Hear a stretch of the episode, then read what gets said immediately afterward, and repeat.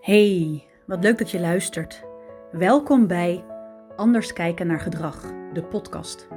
Een plek waar ik je meeneem om stil te staan bij alles rondom het opgroeien van kinderen. Het kijken naar gedrag. Anders leren kijken naar gedrag. Want wat vertelt je kind nou werkelijk echt? Een plek waar zowel ouders als professionals elkaar kunnen ontmoeten. Laat dit de plek zijn om te verbinden, te verdiepen met inspiratie, tips en reflectie. Waar onderwerpen aan bod komen om jouw kind te blijven ondersteunen bij de sociaal-emotionele ontwikkeling, zodat plezier en geluk de drijfveer blijft van de persoonlijke keuzes op weg naar volwassenheid. Ik heb er zin in. Veel luisterplezier. Hey, je hebt een tijdje niets van mij gehoord. Ehm, en dat maakt dat af en toe die drempel om weer te starten en met je te delen wat ik zo graag wil uitdragen, nou, soms wel eens iets groter is. Dat ik me er even overheen moet zetten. En dat er af en toe gedachten bij me op kunnen komen als. Ehm, maar als ik nu begin te vertellen met een onderwerp die ik heel interessant vind, dan is het misschien niet volledig. Heb ik wel verteld wat ik graag wil vertellen. Ehm, en het zijn gedachten die me af en toe wel wat terughoudend kunnen maken. Um, en ik geef de voorkeur om nu gewoon weer door te knallen. Zoals je namelijk hebt gehoord in de afgelopen aflevering, die ging over het nut van onze emoties, zijn er een aantal onderwerpen die ik heel graag met je wil delen. Uh, om je een algehele basis en kennis mee te geven over het stuk emotiecoaching, over het stuk um, jouw kind bewust maken van prikkels. Ehm, daar waar ik heel graag kinderen, maar ook heel graag ouders met kinderen in begeleid, wil ik je ook op deze digitale manier meenemen op die reis. Om misschien straks wel met mij mee te springen op een trein naar nog meer bewustzijn voor jouw kind en voor jou. Maar vandaag wil ik je heel graag een inleiding geven op de term en op het onderdeel prikkelverwerking. En het is een term die de laatste, nou misschien al jaren, misschien ook wel al voor coronatijd, maar um, sinds de afgelopen paar jaar wel aan bod is gekomen. Um, omdat we het misschien allemaal wel eens hebben gehad over de verstilling in de periode rondom corona of het verminderen van um, contact, fysiek contact, wat misschien juist wel weer die huidhonger deed oproepen. Um, het verminderen van contacten, waarbij voor jonge kinderen het wel weer heel spannend was om in ene keer weer in contact te komen met een, een volle crash, een drukke supermarkt en wat dat met ons systeem doet. En eigenlijk zijn dat allemaal voorbeelden rondom prikkelverwerking. Um, hoe ik het binnen mijn opleidingen leer, is het een sensorische informatieverwerking. Maar ik kan mij voorstellen dat dat voor jou misschien wat meer onduidelijkheid geeft dan prikkelverwerking, het verwerken van prikkels. Um, ik neem je mee daarin, in een stuk hoe we naar ons kind kijken en de behoeften achter gedrag. Want die zintuigen van ons, die zijn super essentieel. Alles wat wij in het leven leren, dat leren we met onze zintuigen. Hoe we voelen dat het drinken warm is en we daardoor graag als babytje willen blijven drinken.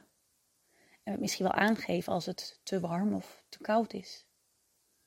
Hoe de warmte van onze vader of moeder zo fijn is dat dat weer maakt dat we in een heerlijke, rustige omgeving weer weg kunnen doezelen om te gaan slapen.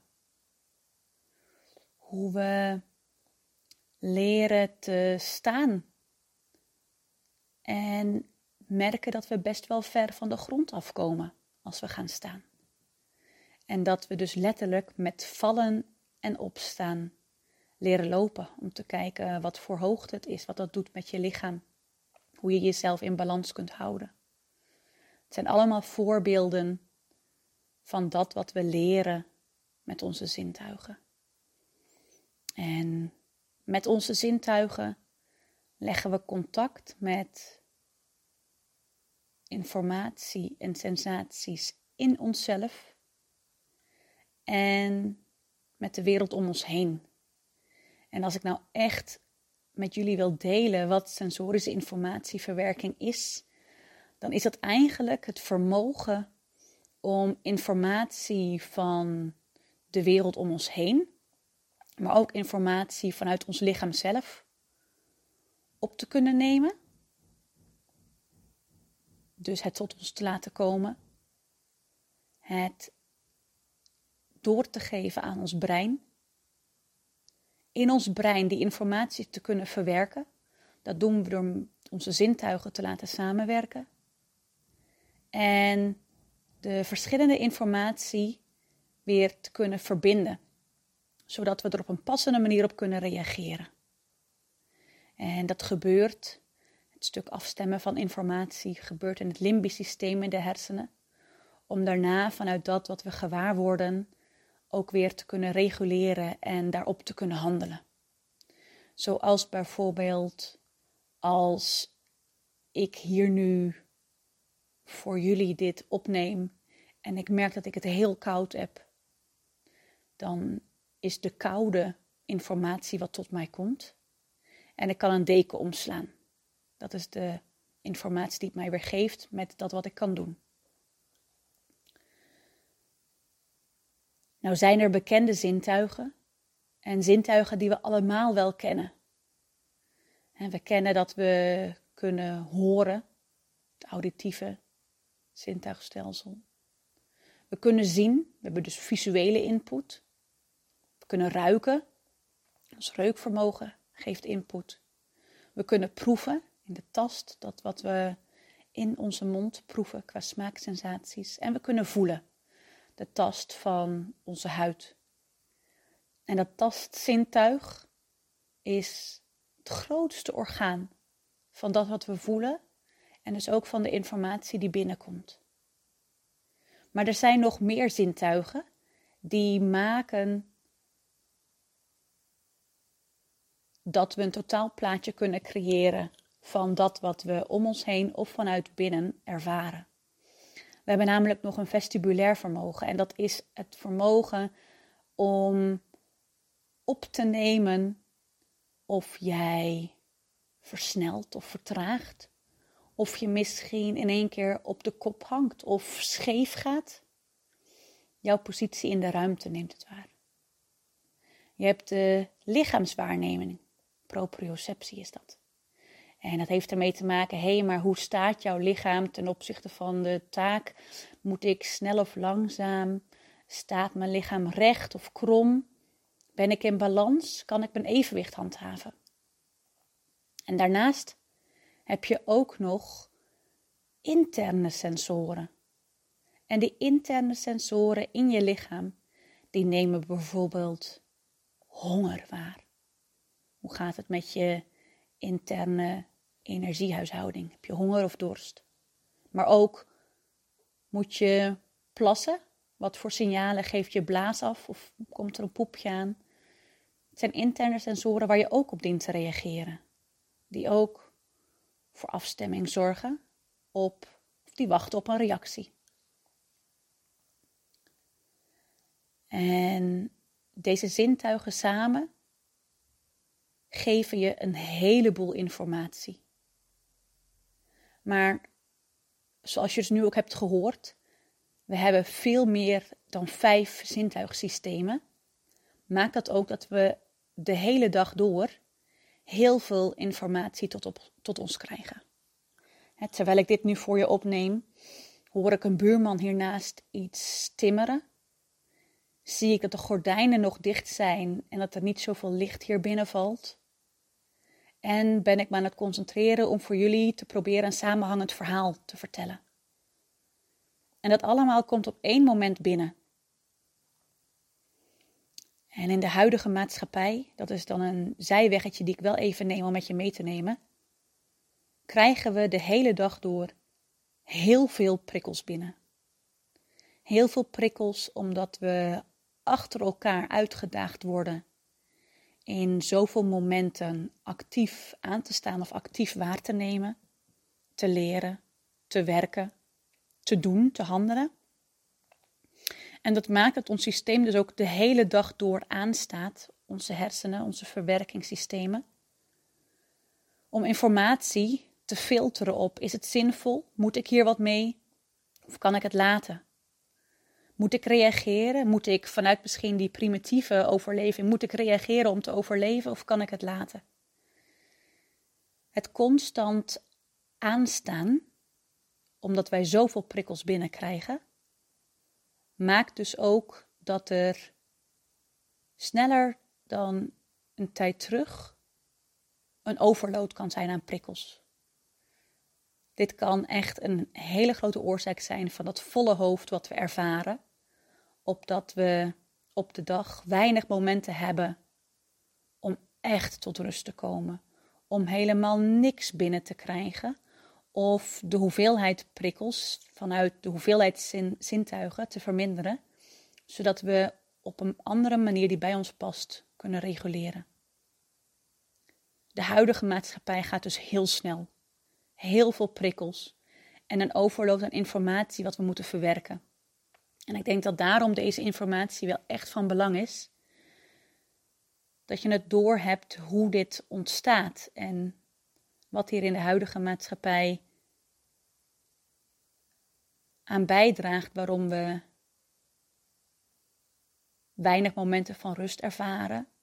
Waarom dat volle hoofd er is bij ons, maar ook bij onze kinderen. En dat we zo gebaat zijn bij momenten van rust en ontspanning. Om die hersenen een moment van rust te kunnen bieden, dat ze niet meer continu alle informatie uit de vele sensorische systemen te hoeven verwerken.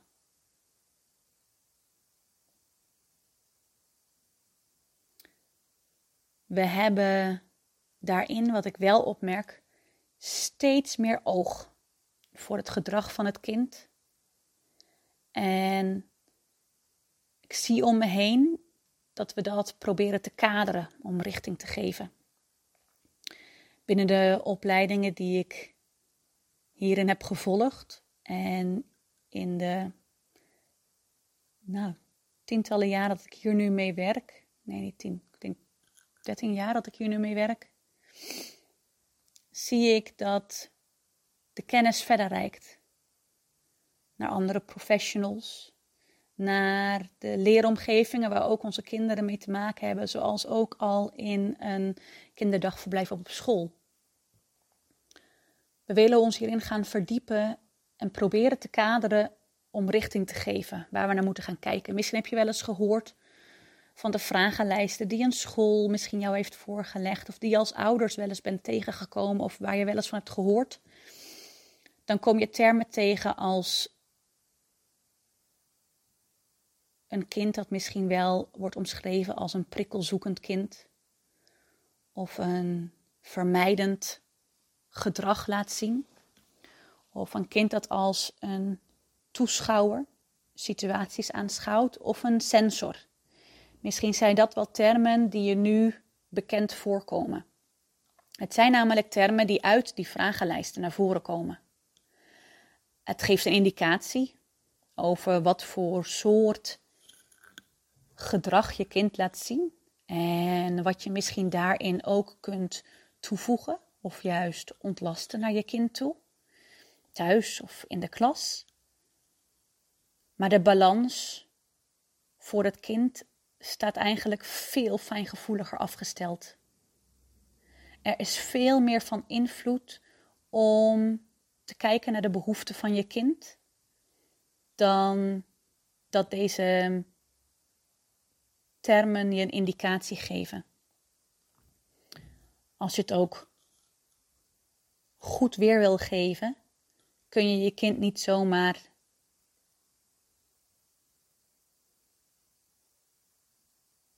tot deze bepaalde term rekenen.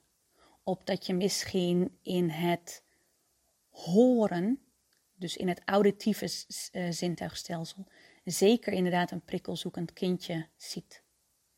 Maar dat hoeft op andere zintuigelijke gebieden niet zo te zijn. Dus het is een veel fijngevoeligere afstemming wat een kind vraagt en wenst dan dat nu soms geschetst wordt.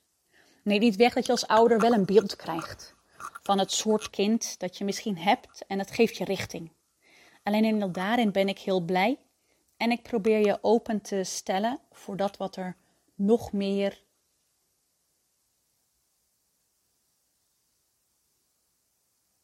aan kan bijdragen om je kind te zien wie het is. Ik denk dat dat een hele mooie zin is. Um,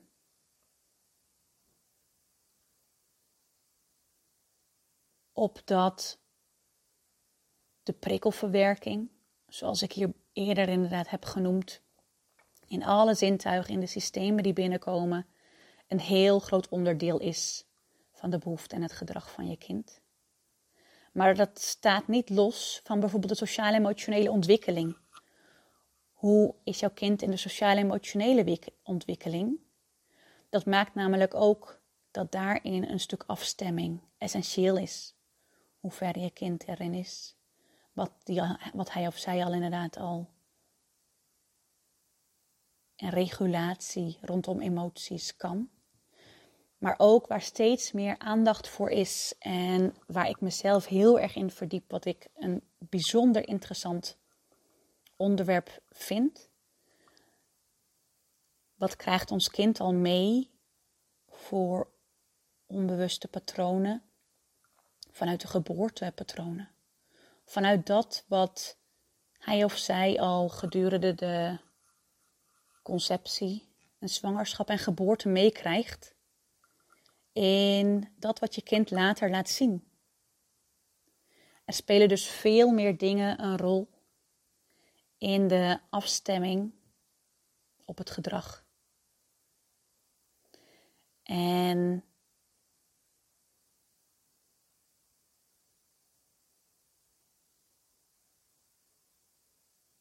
wat je dan kunt benoemen, is dat er bijvoorbeeld sprake kan zijn van overgevoeligheid of onderprikkeling.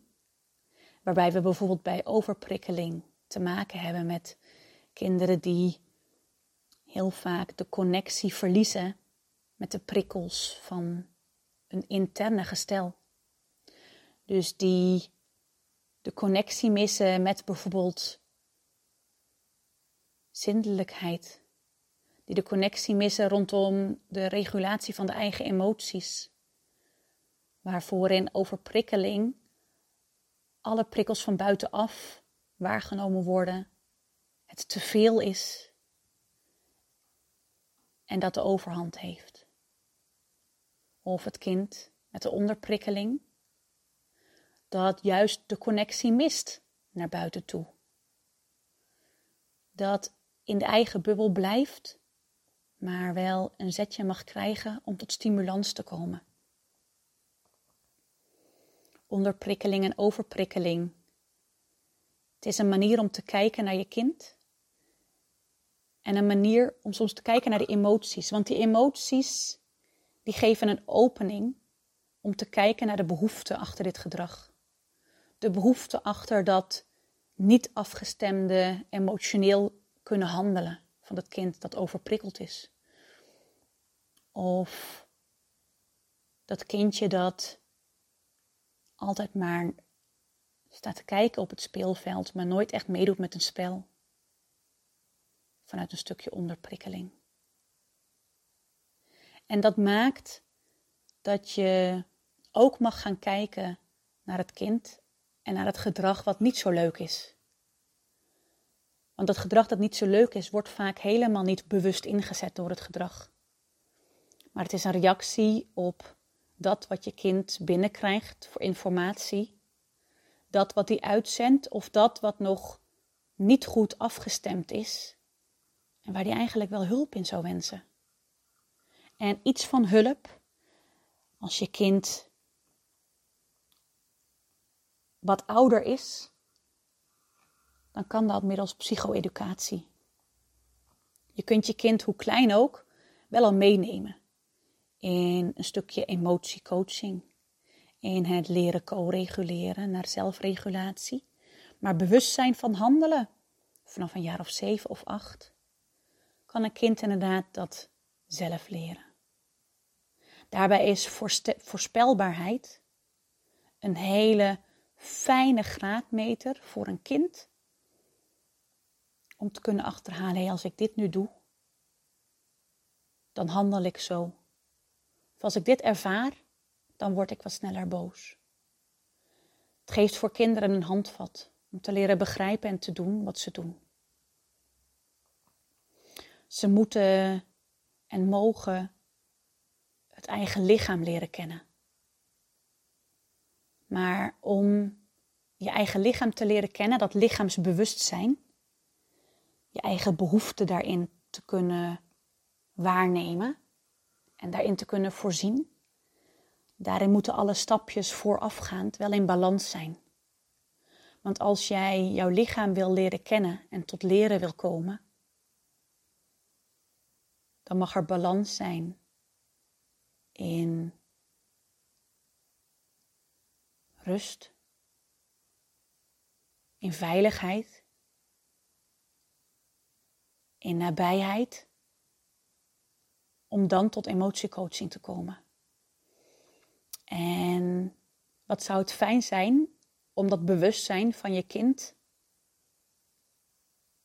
te kunnen vergroten, zodat je kind later bewust zelf de binnengekomen prikkels kan gaan reguleren. Kan gaan kiezen waar de behoefte ligt.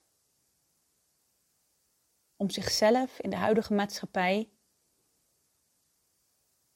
in balans te houden. Daarvoor is een stuk lichaamsbesef nodig. Wat kun je voelen en waar voel je het? Je dient er woorden aan te kunnen geven, aan die emotie of dat gevoel. Omwille van dat je jezelf leert kennen, maar ook dat een ander misschien leert zien hoe het met jou gaat.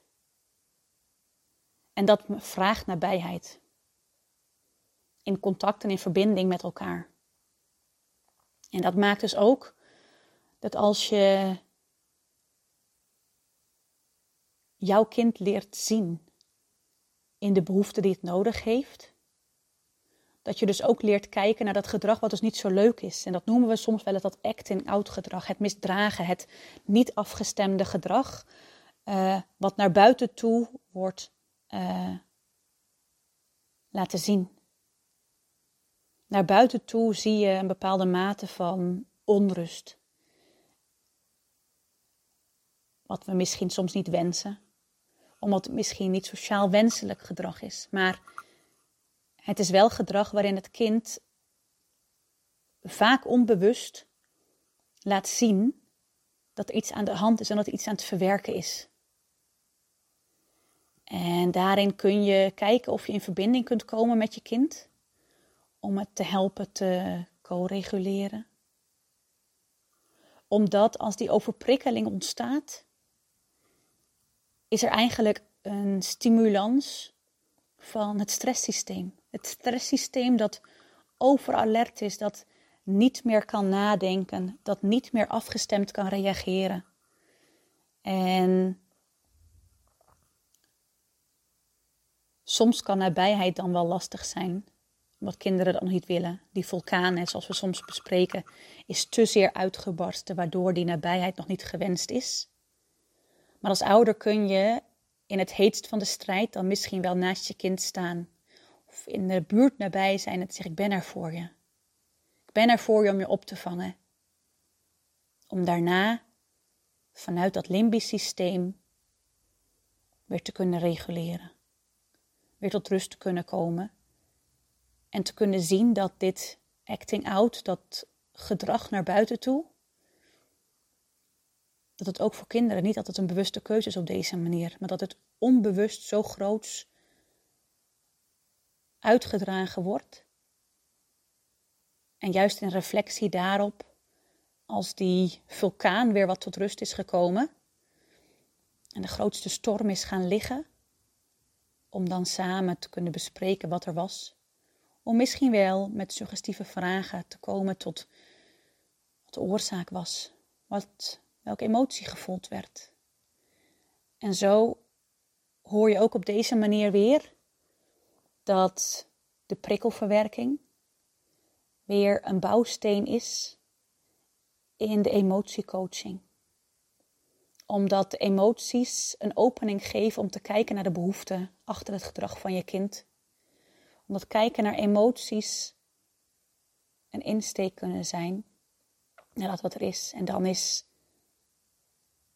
het kunnen zien van de soorten zintuigelijke informatie die binnenkomt. Daarop kunnen afstemmen wat voor jouw kind of ook voor jou als ouder fijn is om in te zetten om tot regulatie te kunnen komen. Een hele mooie tool om uiteindelijk straks jezelf en je kind bewust te maken van het kunnen reguleren van de prikkels die je gedurende de dag binnenkrijgt. Dit was een inleiding van mij voor jou op een stuk prikkelverwerking. Mogelijk is het je iets duidelijker geworden in deze introductie wat prikkelverwerking doet rondom emoties, wat voor informatie je eruit op kan halen. Dat het een hele fijne afstemming is. Een afstemming die veel meer omvat om tot leren en reguleren te komen. Ik neem je de aankomende afleveringen meer mee in emotieregulatie, in het benoemen van emoties. En mocht je vragen hebben, kom met me in contact Instagram. Stuur me daar een bericht. Dan kan ik met je meekijken, luisteren en dat wat jouw vraag is. Heb een fijne dag. Deze podcast wordt gemaakt door Liefsteling. Liefsteling Kindercoach. Ik ben een enthousiaste, eigenzinnige, creatieve deurval. Graag kom ik met je in gesprek over dat wat jij beleeft, jouw ervaringen en strubbelingen. Je kunt op Instagram met me in contact komen door me een berichtje te sturen. Mocht je de podcast van waarde vinden, dan zou ik het super leuk vinden als je een korte review achterlaat of mij tagt in jouw story. Zo weet ik wie er luistert en waar jullie van aangaan. Tot de volgende keer en een liefste groet, een dikke knuffel voor jouw liefsteling.